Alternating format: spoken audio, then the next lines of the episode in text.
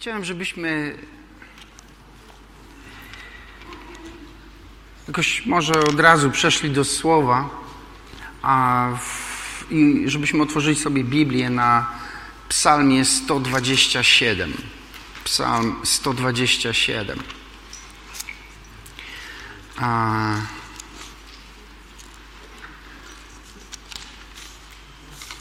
Wiecie, myślę, że my w Kościele powinniśmy Biblię czytać, a nie tylko jej słuchać, dlatego że e, jeżeli jesteś dojrzałym chrześcijaninem, to nie powinieneś oddawać komuś e, tego e, miejsca, w którym, e, którym Biblia mówi do ciebie. Bo to Biblia ma mówić do ciebie, a nie mówcy mają mówić do ciebie. Prawda? Bo, dzisiaj jest e, czasem tak, że e, ludzie częściej słuchają, słuchają kazań, ale Biblii nie czytają. I tym, jeśli to robisz, to tak naprawdę ktoś czyta Biblię dla ciebie. Ty jej nie czytasz już dla siebie, bo ktoś ją czyta dla ciebie, ktoś ją dla ciebie komentuje. I tak naprawdę to są czyjeś wnioski, które ktoś po prostu tobie przekazuje, a ty tego nie możesz porównać, no bo nie otwierasz Słowa Bożego. Dlatego ja zawsze zachęcam, żebyśmy Słowo Boże otworzyli, Biblię, Psalm 127, pierwszy i drugi werset.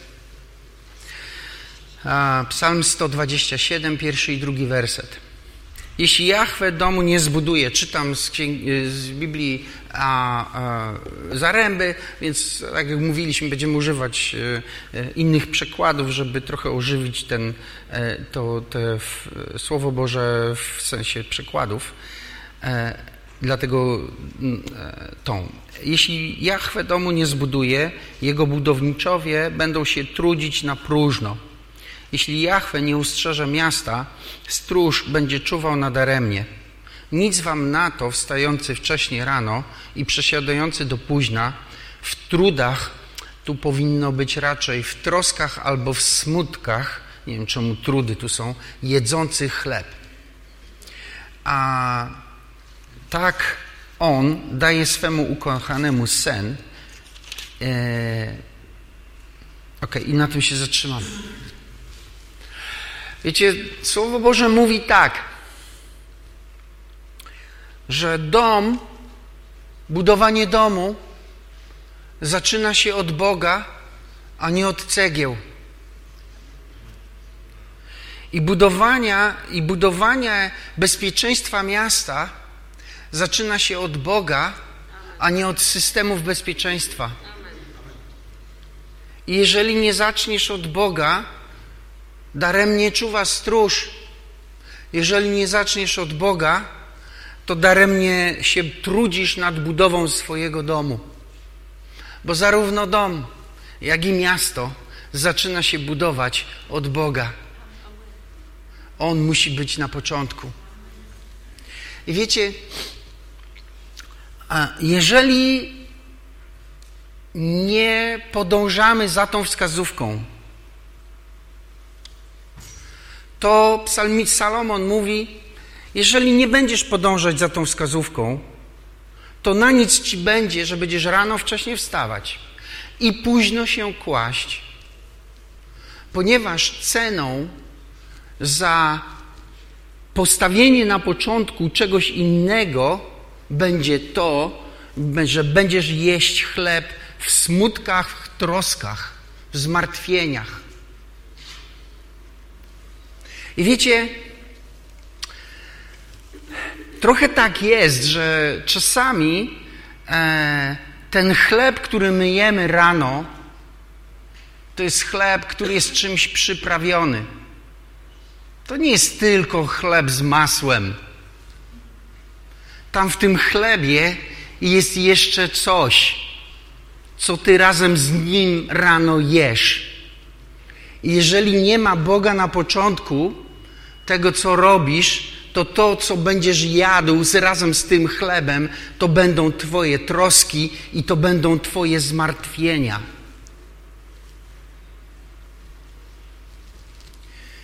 I myślę, że troski, zmartwienia, czy te trudy, chociaż tak, nie pasuje mi to, bo sprawdzałem sobie w hebrajskim trudno to słowo tam jako trud przetłumaczyć, ale jakkolwiek, te wszystkie troski dzisiejszego czasu, zmartwienia, smutki są przyprawą wielu stołów w polskich domach. My nie zwracając uwagi na to, przyprawiamy sobie nasze jedzenie tymi rzeczami. I w ten duchowy sposób karmimy się tym, a potem to mamy w żołądku, potem to mamy w naszym sercu, potem to mamy w naszym ciele i dlatego potem źle się czujemy. I myślę, że trzeba by było, żebyśmy, moi drodzy, zmienili przyprawę i zaczęli przyprawiać swój chleb czymś innym, a nie troskami. A o czym mówimy? Widzicie, pierwszy list do Tymoteusza, szósty rozdział, siedemnasty werset nas do tego prowadzi. Pierwszy Tymoteusz 6 i 17 mówi tak.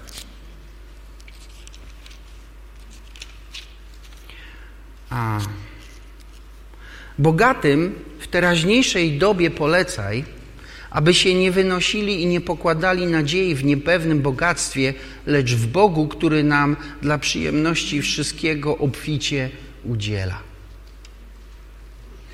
A i czy się chcecie zgodzić z tym, czy nie, to ekonomicznie niestety, ale musicie siebie już zaliczyć do tych bogatych.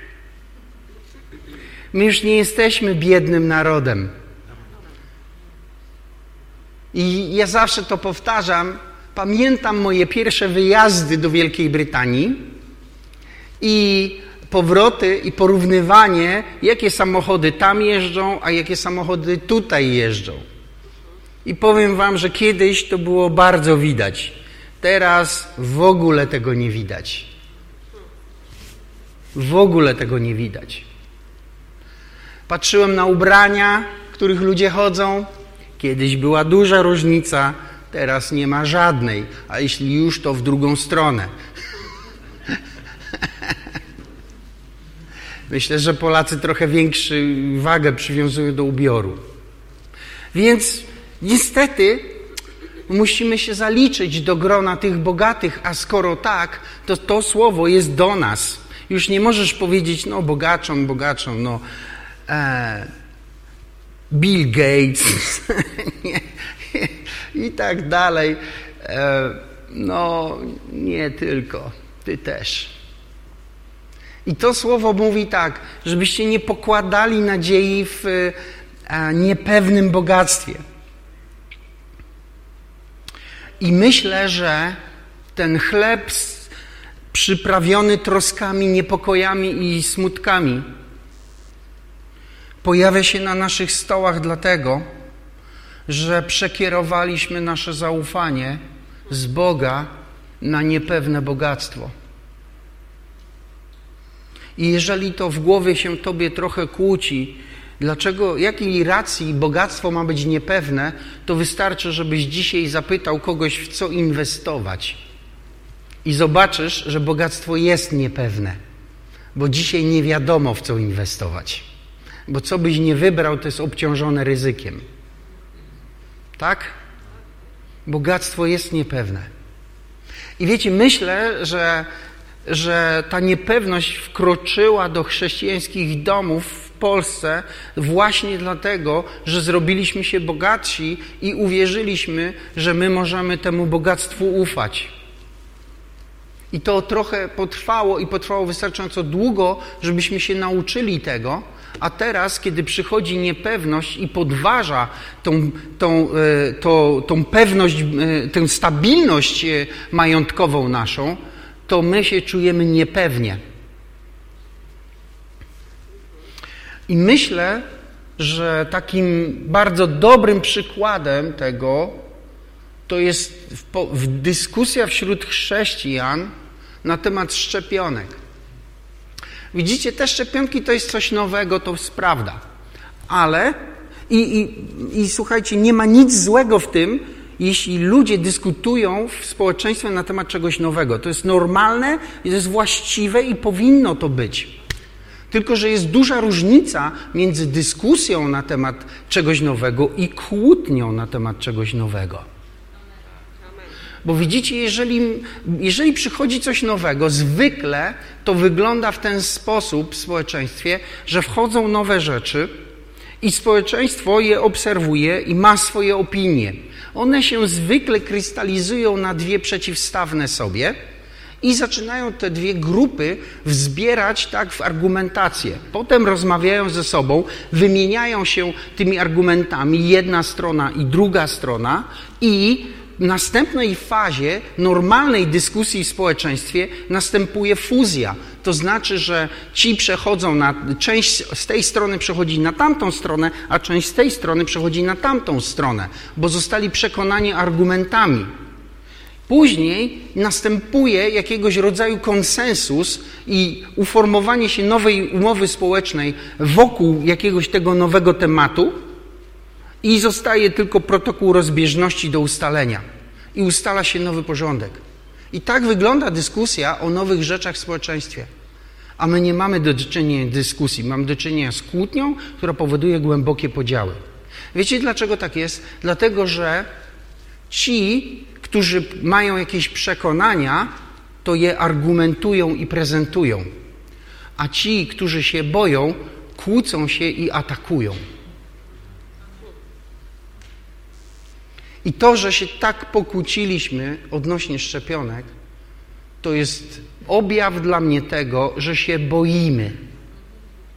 Boimy się o naszą przyszłość, tak? Tu na ziemi boimy się dlatego, że nie mamy jej w Chrystusie, tylko mamy ją w czymś innym i chcemy to, w czym mamy poczucie naszego y, y, bezpieczeństwa, bronić. Więc bronimy, atakując innych.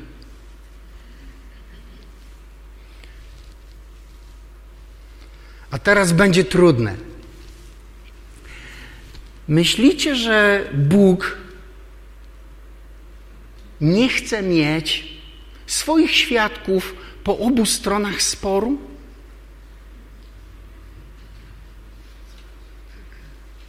Bo ja myślę, że chce.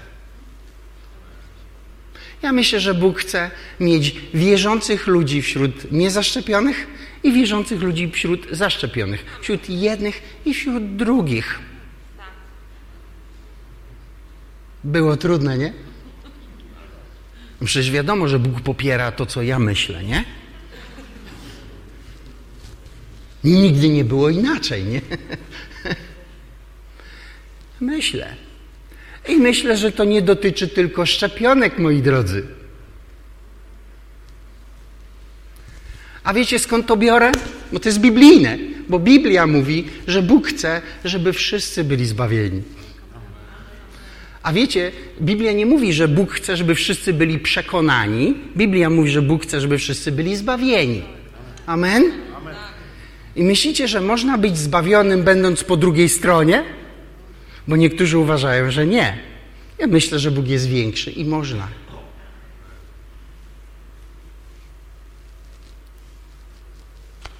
I jeszcze jedna rzecz jest. Nie wiem dlaczego my ciągle wracamy do tego, że kiedyś było lepiej. Ja się ostatnio na tym złapałem. A, ja wiecie, ja byłem dzieckiem, kiedy był stan wojenny, tak? Kiedy czołgi wyjechały we Wrocławiu na ulicę. Ja nie mieszkałem we Wrocławiu. Ale ja pamiętam ten czas. Oczywiście dzisiaj mam już e, filtr w mojej głowie w postaci doświadczenia, wiedzy, co się wtedy działo, ale jak sobie zdejmę, zdejmę ten filtr i przypomnę sobie, jak ja się czułem 13 grudnia, to powiem Wam, że to był fajny dzień, bo się dowiedziałem, że w poniedziałek nie pójdę do szkoły. Nie wiem, czy rozumiecie. To było w sumie fajne. Miałem luz od szkoły, a zimno było, nie chciało mi się jeździć.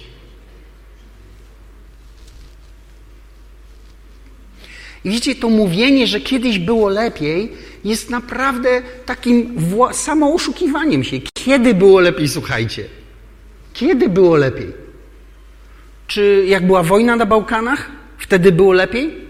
Czy jak było, wiecie, lub, czystki lud, i ludobójstwo w Sudanie, to, to wtedy było lepiej? Czy jak była wiosna ludów e, na Bliskim Wschodzie, wtedy było lepiej? Tak? Czy, czy może cofnijmy się dalej, nie? W latach e, 90., tak? Wtedy było lepiej? Jak, jak, e, jak Ira gdzieś tam, nie wiem, czy to dokładnie wtedy, tak? Ale jak Ira wojowała w Irlandii o, o niepodległość, to, to wtedy było lepiej, tak? A może się jeszcze cofnijmy do 70. lat. Wtedy było lepiej, jak ginęło więcej ludzi od terrorystów niż w niektórych wojnach na ulicach zachodnich miast. Wtedy było lepiej? A może w 60. latach było lepiej? Jak mieliśmy do czynienia, wiecie, z zimną wojną. Wtedy było lepiej? Nie wiem, czy rozumiecie. Nigdy nie było lepiej. Nie. To jest po prostu tylko miraż, który sami sobie wytwarzamy, zapominając o przeszłości, o niektórych faktach z przeszłości, albo nie uczestnicząc w nich, tak jak ja tego 13 grudnia. Nie, nigdy nie było lepiej. Ja Wam powiem, dlaczego my szukamy tych lepszych czasów. Dlatego, że my chcemy w ten sposób jakby sobie wytłumaczyć, że e, ja wrócę do, do takiego, e, przestanę się przejmować, jak się uspokoi. Rozumiecie? Nie, nie uspokoi się. Jak się skończy to wojowanie na Ukrainie, to się pojawi coś nowego. Słuchajcie, Pan Jezus nam to obiecał. W Ewangelii Mateusza, 25 rozdział. Wiecie, mówię to z jednego powodu, żebyśmy doszli do takiego rozsądnego, biblijnego, dojrzałego podejścia, że nie można czekać z, z, tym poradzeniem sobie z tymi troskami do czasu, aż będzie spokojnie, bo nie będzie. Zawsze coś będzie się działo. No chyba, że tak jak ja, odetniesz się od wszystkich wieści, to wtedy będzie spokojnie. Ale tylko dlatego, że nie jesteś świadomy. I wyjściem nie jest to, żeby czekać, kiedy się polepszy. Nie. Jest inne wyjście. My mamy wrócić do Bożego pokoju i chodzić w nim. Myślę, że chrześcijanie się kłócą dlatego, że brakuje im Bożego pokoju.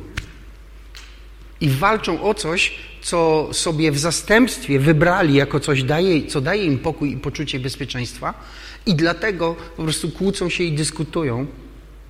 I wiecie, myślę sobie, że to nie jest dobrze, dlatego że Bóg jest jeden.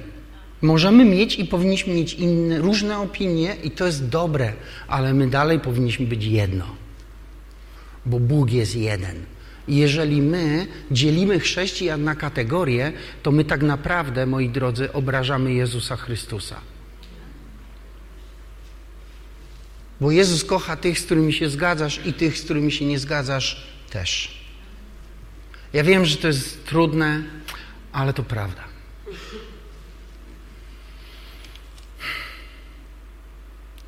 I myślę, że przekierowaliśmy nasze poczucie zaufania w niepewne bogactwo, w, nie, w, rzeczy, które są niepewne, i ta niepewność wraca do nas i, i nasze potrząsa tym naszymi fundamentami, i my powinniśmy coś z tym, moi drodzy, zrobić. I e, to jest ślepa uliczka, jeśli my myślimy sobie, no to co, to co, co, uporządkujmy te wszystkie konflikty i będzie święty spokój. Nie będzie. Pojawią się nowe powody do tego, żeby się dyskutować, żeby się kłócić, żeby się dzielić. I one cały czas się będą pojawiać, a wierzcie mi, że jest ktoś, kto będzie je z przyjemnością dla nas produkować. Nie. I wyjście jest inne. Musimy wrócić do Bożego pokoju. I otwórzmy sobie Ewangelię Jana, 14 rozdział. Albo, przepraszam, zanim tam, no wrócimy tam, ale jeszcze otwórzmy sobie na chwilkę list do Kolosan 3,15, bo chcę tylko ten fragment przeczytać i pójdziemy dalej. Kolosan 3,15.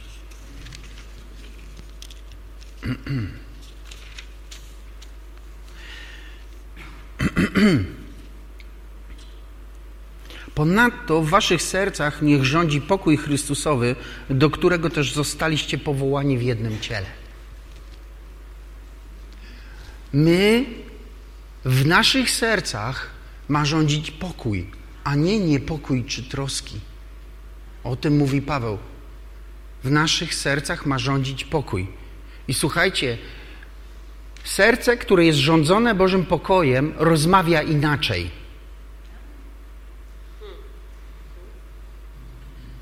Ma inną argumentację, inne podejście do oponenta, inną perspektywę świata, inną perspektywę przyszłości i swojego życia.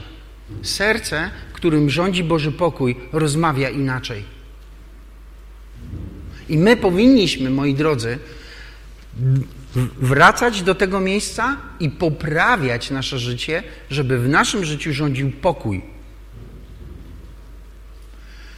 Troski tego wieku, ułuda bogactw i pożądanie innych rzeczy są wymienione w Ewangelii Marka, czwarty rozdział, w tym fragmencie, który mówi o sianiu i mówi o tym, co dławi Słowo Boże tak, żeby nie mogło wydać owocu. I troski tego wieku to jest to dokładnie, o czym dzisiaj mówię i to dławi Słowo Boże. Bóg wysyła, modlisz się do Boga, żeby Bóg odpowiedział na Twoje pytania i na Twoje modlitwy. Bóg wysyła swoje Słowo. Twojego Słowo przychodzi do Twojego życia i zaczyna budować wiarę, ale wtedy rodzą się troski tego wieku i dławią to Słowo tak, że nie może wydać owocu i na końcu ty jesteś sfrustrowany. Jak to jest i dlaczego tak się stało?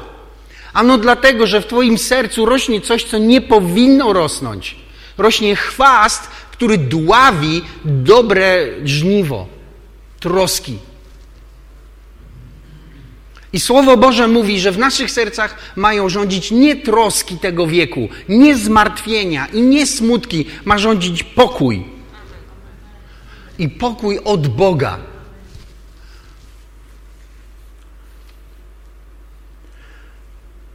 Pokój Chrystusowy, tak jak mój kolosan. Ok, dobrze? Jak my mamy ten pokój wrócić do niego? Otworzymy sobie Psalm 116 i siódmy werset.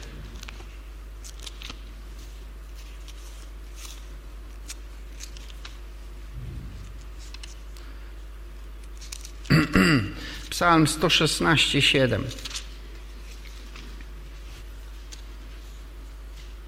Wróć duszo moja do swojego spokoju, bo Jachwę się ujął za tobą.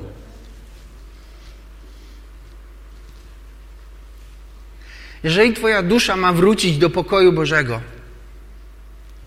wiecie, w innych przykładach, bo Pan jest dobry dla ciebie, to musisz sobie po pierwsze przypomnieć, jaki jest Bóg że Bóg jest tym, który się o ciebie zatroszczył i że Bóg jest tym, który jest dobry. Dlatego, że powrót do pokoju odbywa się poprzez odnowienie tego e, ob, zrozumienie, objawienie, które wszyscy doświadczyliśmy, że Pan był dobry dla nas. Bo to, kiedy ty przypominasz sobie, że Bóg był dobry dla ciebie, powoduje, że pamiętasz o tym, że On ma na ciebie wpływ i na twoje życie, a kiedy to sobie przypominasz, to zaczynasz otwierać swoje serce na to, żeby weszło do niego to, o czym e, ten fragment mówi i w końcu Ewangelia Jana 14 mówi i otwórzmy sobie teraz to. Ewangelia Jana 14 rozdział i 26 werset mówi do nas w ten sposób. 14:26. Opiekun zaś Duch Święty, nie powinno być tu opiekun, tu powinien być yy, pocieszyciel. To nie da się tego, nie wiem dlaczego tu jest opiekun. E, którego Duch, Duch Święty, którego Ojciec pośle w imieniu moim, On was wszystkiego nauczy i przypomni wam wszystko, co ja wam powiedziałem. A dalej, Pokój zostawiam wam, pokój mój daję wam. Nie tak, jak daje świat, ja wam daję. Niech się nie trwoży wasze serce i niech się nie boi. Więc widzimy tu, że Jezus Chrystus nam coś dał. Nam coś dał. Jezus dał nam pokój. Pokój Boży to nie jest brak trosk. Pokój Boży to nie jest oddech od zmagań dnia codziennego. To nie jest jakaś nirwana, która polega na wycięciu się z rzeczywistości. To nie jest pokój Boży. To jest raczej spokój, jakieś wytchnienie. Pokój Boży to jest przekonanie, które Jezus Chrystus daje Ci w darze przez Ducha Świętego do Twojego serca, który, kiedy wchodzi do niego, Ty po prostu zyskujesz inne argumenty na temat Twojej przyszłości.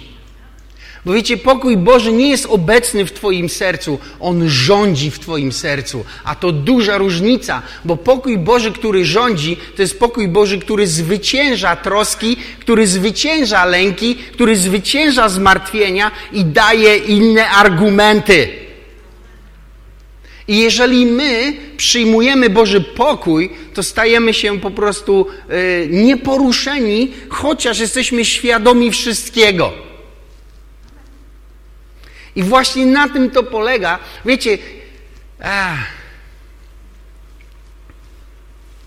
pamiętacie Elizeusza i jego sługę Gehaziego? Stanęli, otoczyło ich wojsko. To jest świetna, świetny obraz. Gehazi żył troskami tego wieku, zobaczył to wojsko i mówi, ratunku, zaraz nas zamordują, nas jest dwóch i tam, nie wiem ile, setek ileś, po prostu no zadepczą nas, nawet nie będziemy wiedzieli kiedy.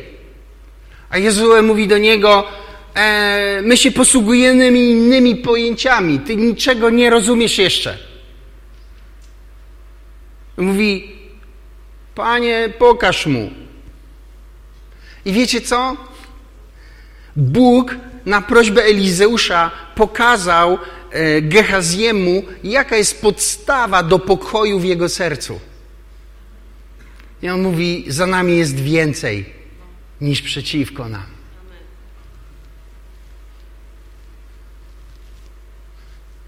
I pokój Boży wynika z tego, kiedy zaczynasz rozumieć, z kim ty obcujesz naprawdę i kto to jest. I zaczynasz rozumieć, że On jest Panem i akceptujesz to. Wiecie, jest, myślę, że muszę kiedyś poświęcić trochę czasu na to. Jest, my, my dużo rzeczy rozumiemy i je wiemy, ale my, ponieważ ich jest za dużo, to my ich nie wpuszczamy do naszego życia, one pozostają na poziomie informacji. I kiedy ty tylko zgromadzisz jakąś informację, dowiem się tego, dowiem się tego, dowiem się tego, moi drodzy, informacje nie zmieniają ludzi. Amen? Gdyby tak było, wszyscy palacze po zakupieniu paczki papierosów wyrzuciliby ją do kubła. Nie? A jednak tego nie robią.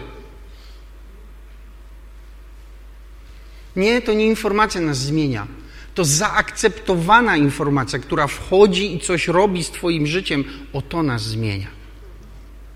I wiecie, nie chodzi mi o to, żeby teraz powiedzieć, słuchajcie, jest Boży pokój, no, jakby żebyście wiedzieli. Nie, nie zależy mi na tym. Mi zależy na tym, żebyście słuchając tego, przyjęli to do serca.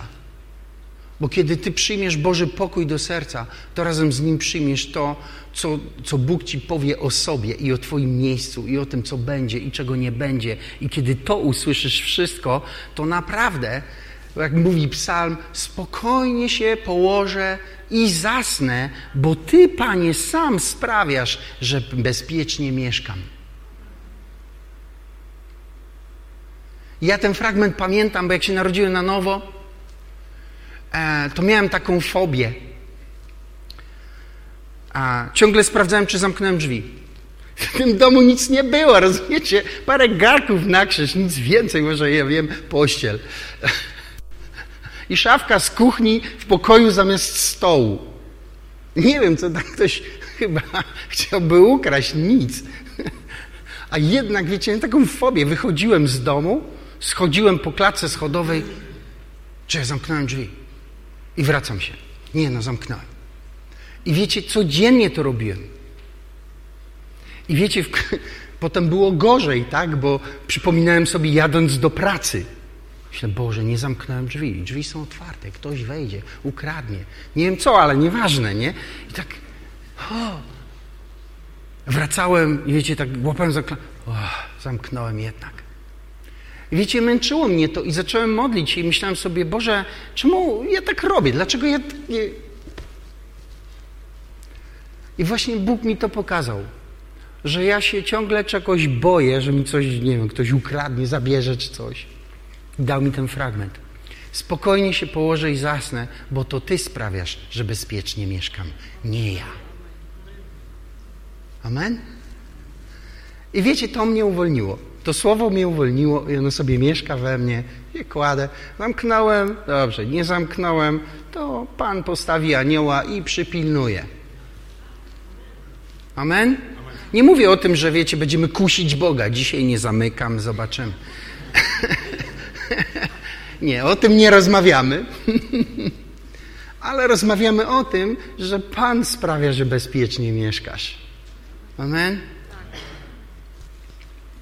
Więc ten pokój, który wchodzi do Twojego serca, jest stanem ducha, który kon, kontroluje Twoją duszę i związane z nią emocje i plątaninę i galopadę myśli, a nie jest tylko oddechem od e, niepokojów, bo te po prostu ciągle będą. I a ten pokój to jest dar Boży, to jest dar od Ducha Świętego. Dlatego Pan Jezus najpierw mówił o Duchu Świętym, który nas, nam przypomni to, co Jezus powiedział, a potem mówi o pokoju. I ja dzisiaj chcę Wam przypomnieć o pokoju Bożym. Słowo Boże mówi w, w Psalmie 116, już nie otwierajmy, siódmy werset. Wróć duszo moja do pokoju swojego, bo Pan był dobry dla Ciebie. Wróć tam. Wróćcie do pokoju. Wróćcie do pokoju. Media dzisiaj są tak nastawione, żeby budzić niepokój, bo niepokój się sprzedaje. Ale my powinniśmy jako chrześcijanie być ludźmi pokoju, Bożego pokoju i chodzić w pokoju. Wiecie, mi nie chodzi o stoicyzm, a mnie tam nic nie rusza. Nie. Chodzi o to, że Jestem człowiekiem, który przeżywa różne rzeczy, ale nad tym panuje Boży pokój w moim sercu. Bo jest ktoś jeszcze. Amen? Jest ktoś jeszcze, kto jest w Twoim i w moim życiu. I, duży, I ten pokój Boży to jest takie greckie słowo, które oznacza połączyć się. Bo wiecie, my pokoju, mm, jak to powiedzieć, ten Boży pokój musi się połączyć z Twoją duszą i być częścią jej. I wtedy patrzysz, tak? Widzisz coś, to Cię niepokoi, ale zanim dotknie to Twoich emocji, to przechodzi przez Boży pokój, który definiuje to, co widzisz.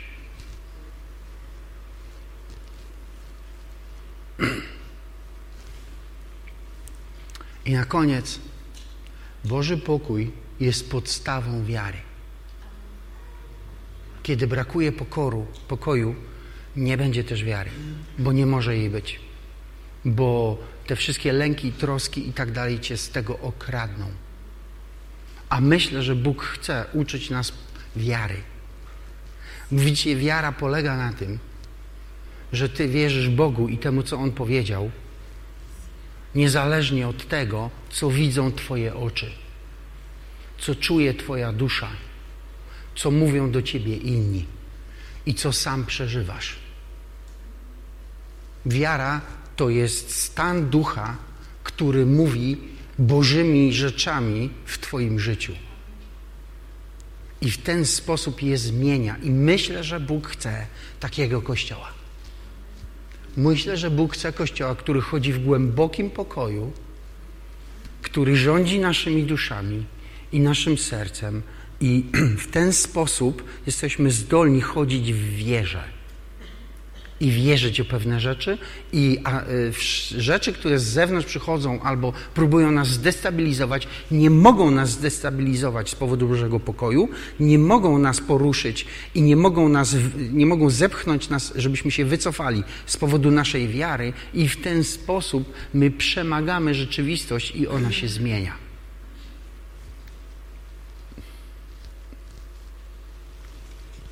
Każdy z Was dostał dar wiary.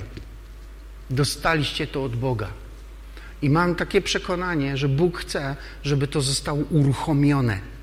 A jednym z podstawowych warunków, żeby ten uruchomiony dar wiary zadziałał w waszym życiu, jest Boży pokój, który rządzi waszymi sercami i wam tłumaczy.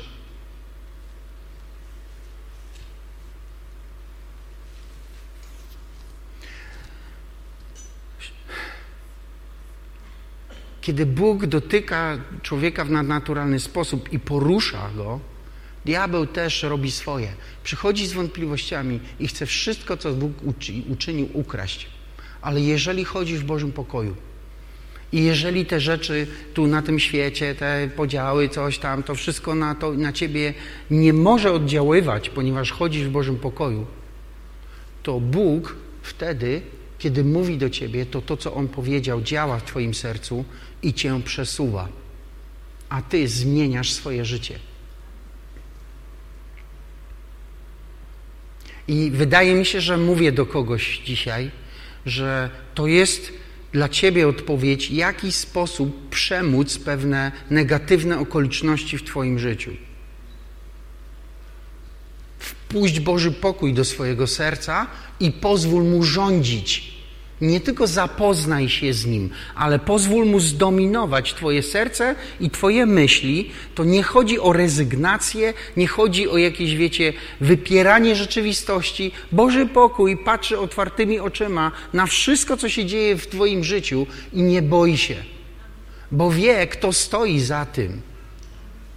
I to jest podstawa Twojej wiary. A kiedy wiara przychodzi za Bożym pokojem, przychodzą zmiany i one się nie cofają. Nie cofają się. I myślę, że to jest, e, to jest jeden z, z, głównych takich celów, dla których Bóg posyła pokój, swój pokój do naszego serca. I myślę, że wiecie, inni wokół nas potrzebują, żebyśmy byli ludźmi pokoju, a nie podziału, nie? Bo taki jest Kościół. Taki jest Jezus Chrystus. I myślę sobie, tak, powiem wam, co sobie myślę. Myślę, że staniemy w, kiedyś w niebie przed Panem wszyscy. I wiecie co? Odkryjemy, że wszyscy nie mieliśmy racji. Rozumiecie to? odkryjemy, że nie mieliśmy racji. Bo myślę sobie, że jest tylko jeden, który ma rację. I to jest Jezus. A my się tylko uczymy. Bo cząstkowa jest nasza wiedza, cząstkowe jest nasze prorokowanie, tak? I zawsze jest coś, co wiesz, i zawsze jest więcej, czego nie wiesz. I Bóg nie odbiera nam przekonań, nie chce, żebyśmy je nagle zmieniali, ale Bóg chce, żebyśmy pamiętali, że to nie jest podstawa do naszego życia. Podstawą jest Boży pokój. Powstańmy, chciałbym się modlić z Wami. Ojcze, dziękuję Ci za Twój pokój, który dajesz wszystkim, którzy do Ciebie przychodzą. Dziękuję Ci za Twój pokój, którym obdarowujesz nasze serca i który jest czymś więcej niż tylko po prostu wytchnieniem od problemów. Dziękuję Ci za niego i modlę się dzisiaj za nas wszystkich, żebyś nam pomógł, Panie, odwrócić się i wrócić do, do Twojego pokoju i w nim żyć. A Panie, wybacz nam wszystkie te niepokoje i lęki, którym się poddawaliśmy i które próbowały definiować nasz stan ducha. My to dzisiaj od, odsuwamy i odkładamy to przed Tobą. I zapraszamy Twój pokój do naszego serca, żeby wszedł i zamieszkał. Bo nie chcemy być ludem pokoju. Chcemy oczyma pokoju Twojego patrzeć na świat i na naszą przyszłość. Chcemy nasze życie oprzeć na czymś, co jest trwałe, na tych rzeczach, które Ty dajesz. Amen. I może jesteś tu, albo słuchasz nas i jeszcze nie doświadczyłeś tego pokoju. Może jesteś tutaj i zastanawiasz się nad tym.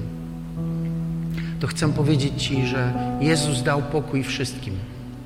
Wszystkim, którzy tylko chcą go przyjąć. Jezus go daje tym, którzy gotowi są po prostu się otworzyć i go przyjąć do swojego serca. Bo pokój Boży przychodzi razem z Chrystusem, razem z Jezusem, przychodzi do Twojego i do mojego serca. Jeśli jesteś dzisiaj na tym miejscu albo słuchasz mnie, chcę zaprosić Cię i zachęcić Cię do tego, żeby podjąć taką decyzję i zaprosić księcia pokoju, Jezusa Chrystusa, do swojego życia. Bo kiedy On wejdzie tam, On zamieni Twoje niepokoje w stabilny pokój ducha razem z odpowiedziami. I chciałem zaprosić Cię do wspólnej modlitwy, takiej prostej modlitwy, przez którą będziesz mógł zaprosić Jezusa Chrystusa i Jego pokój do swojego serca. I kiedy skończymy, Jezus będzie w środku i zmieni Twoje życie. Pomódlmy się razem. Panie Jezu, dziękuję Ci za to, że umarłeś za moje grzechy i za całe moje stare życie. A teraz zapraszam Cię, wejdź do mojego serca. Chcę, żebyś wszedł razem z Twoim pokojem i z tym wszystkim, kim jesteś, do mojego wnętrza, żebyś zamieszkał na zawsze. Wyznaję Ciebie, Jezusa Chrystusa, moim Panem i Zbawicielem i decyduję się dzisiaj, że będę za Tobą podążać, naśladować Cię. Będę Cię słuchać i uczyć się od Ciebie. I pobłogosław moje życie, żeby było pełne pokoju. Amen.